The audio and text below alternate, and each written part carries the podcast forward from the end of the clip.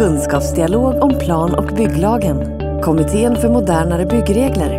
Föredragshållare är Kurt Eliasson, utredare Regeringskansliet. Hej, jag heter Kurt Eliasson och är en av två ledamöter i kommittén för modernare byggregler.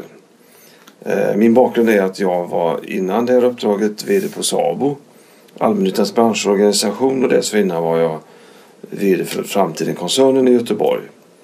Min medutredare är Anna Sander som för närvarande är projektchef för ett stadsutvecklingsprojekt i Uppsala som heter Rosendal. Utredningens syfte enligt regeringens direktiv det är att för det första modernisera regelverket. Att skapa förutsättningar för en ökad konkurrens och därigenom också upprätthålla och helst gärna öka byggandet i Sverige under den här närmaste framtiden. Bakgrunden till den här utredningen och till det direktiv som vi har fått det är att det har gjorts större omfattande förändringar i plan och bygglagstiftningen under senare år. Det har dock inte skett någon samlad översyn av byggreglerna.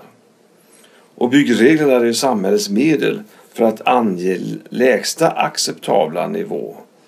Och byggreglerna är avgörande för att tillhandahålla ett diversifierat utbud av bostäder som kan efterfrågas av olika målgrupper. Byggreglerna har också många användare och det är också ett antal myndigheter som utfärdar föreskrifter för byggnadsverk och regler och de finns på många olika nivåer. Några av de huvudfrågorna som, som vi ställs inför är reglernas innehåll en orsak till ökade byggkostnader? Är reglerna tillgängliga och väl strukturerade? Varje regel är ofta i sig väl motiverad men hur blir helheten för slutresultatet och för användare av reglerna? Och inte minst, vilka digitala möjligheter finns att underlätta tillämpning av dagens, eller morgondagens byggregler? Det vi ska göra det är att eh, under den här tiden utreda de här frågorna. Och därför är det definierat fem olika deluppdrag. Eh, det första deluppdraget handlar om standarder och konkurrenskraft. Standardisering inom byggområdet och jämförbara medlemsstater inom EU ska vi titta på. En viktig fråga också huruvida standarder förhindrar eller försvårar etablering och tillväxt inom byggindustrin. Jag återkommer på slutet till när det här de olika uppdragen ska rapporteras. Deluppdrag nummer två handlar om miljö och klimatpåverkan. Vilka samhällsekonomiska effekter finns det av att minska byggnadens klimat och miljöpåverkan?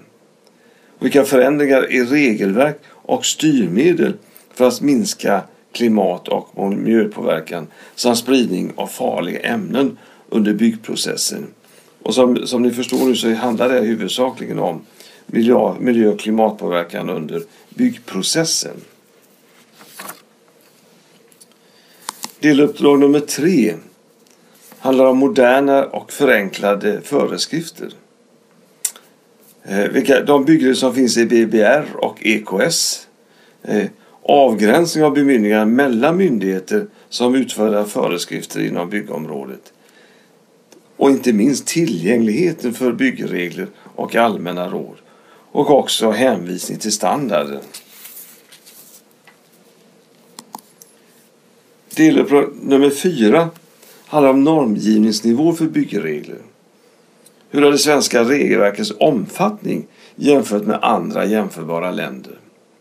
Det offentliga åtagandets omfattning och hur ser rätten för myndigheter under regeringen att meddela föreskrifter på byggområdet. Deluppdrag nummer fem handlar om kontrollsystemet.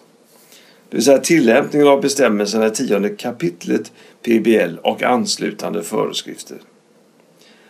Vi ska utvärdera om vissa utformningskrav prövas av byggnadsnämnden i bygglovskedet. Hur påverkas handlingstiderna i kommunerna av förändringarna i PBL? Och har de förändringarna inneburit ökade kostnader för byggherrarna?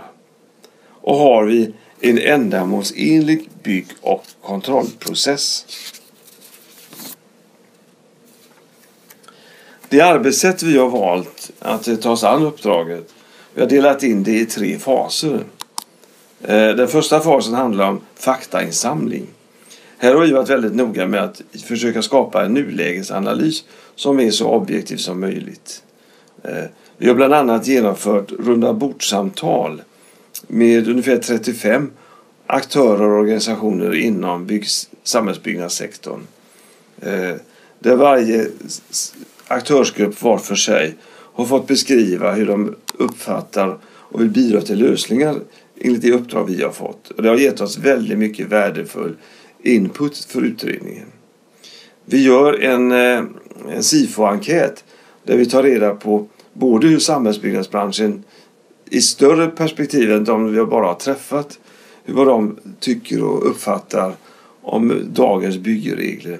Och vi har också genom SIFO fått en bild av allmänhetens uppfattning om byggreglerna. Vi träffar en expertgrupp som regeringen har utsett och som vi möter vid särskilt ett antal tillfällen. Och de representerar huvudsakligen ett stort antal myndigheter som är aktiva inom byggsektorn. Vi gör också en intressentanalys för att få en bild av vad olika intressenter i övrigt har för, för påverkan på byggsektorn eller på byggreglerna inom samhällsbyggnadssektorn. Den här faktainsamlingen sedan ligger till grund för en diskussion kring de vägval vi ska göra. Och där vi då har två olika grupper som vi särskilt arbetar med. Det ena är referensgrupper som eh, består av aktörer inom samhällsbyggnadssektorn. Och där vi, där vi möter den konstellationen för att testa våra idéer och förslag. Eh, expertgruppen är viktig för oss inför de vägval vi ska göra. Och när vi väl har kommit igenom de här två processerna då är det dags för oss att, göra, att besluta om de slutsatser som vi ska ha i, i dera, inför det kommande betänkandet. Vi har valt också att arbeta i ett öppet, transparent miljö. Vi har en egen hemsida. Vi deltar på väldigt många olika möten, aktiviteter och konferenser eh, och försöker ställa upp så mycket det går.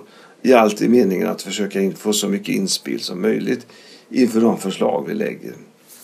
Eh, den arbetstidsplan vi har det är att vi ska rapportera och dels när det gäller löpande rapportering till Boverket om föreskrifter om byggregler. Vi kan alltså under hela utredningstiden lämna förslag på förändringar av föreskrifter till Boverket som Boverket sedermera ska hantera.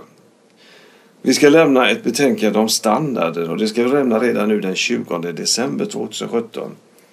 Så i den här arbetsprocessen så är vi nu i, i den sista fasen att bestämma vilka slutsatser vi ska ha i det betänkandet.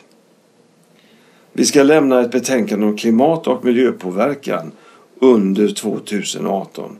Och i slutet av 2019 ska vi göra en slutredovisning av hela utredningsuppdraget.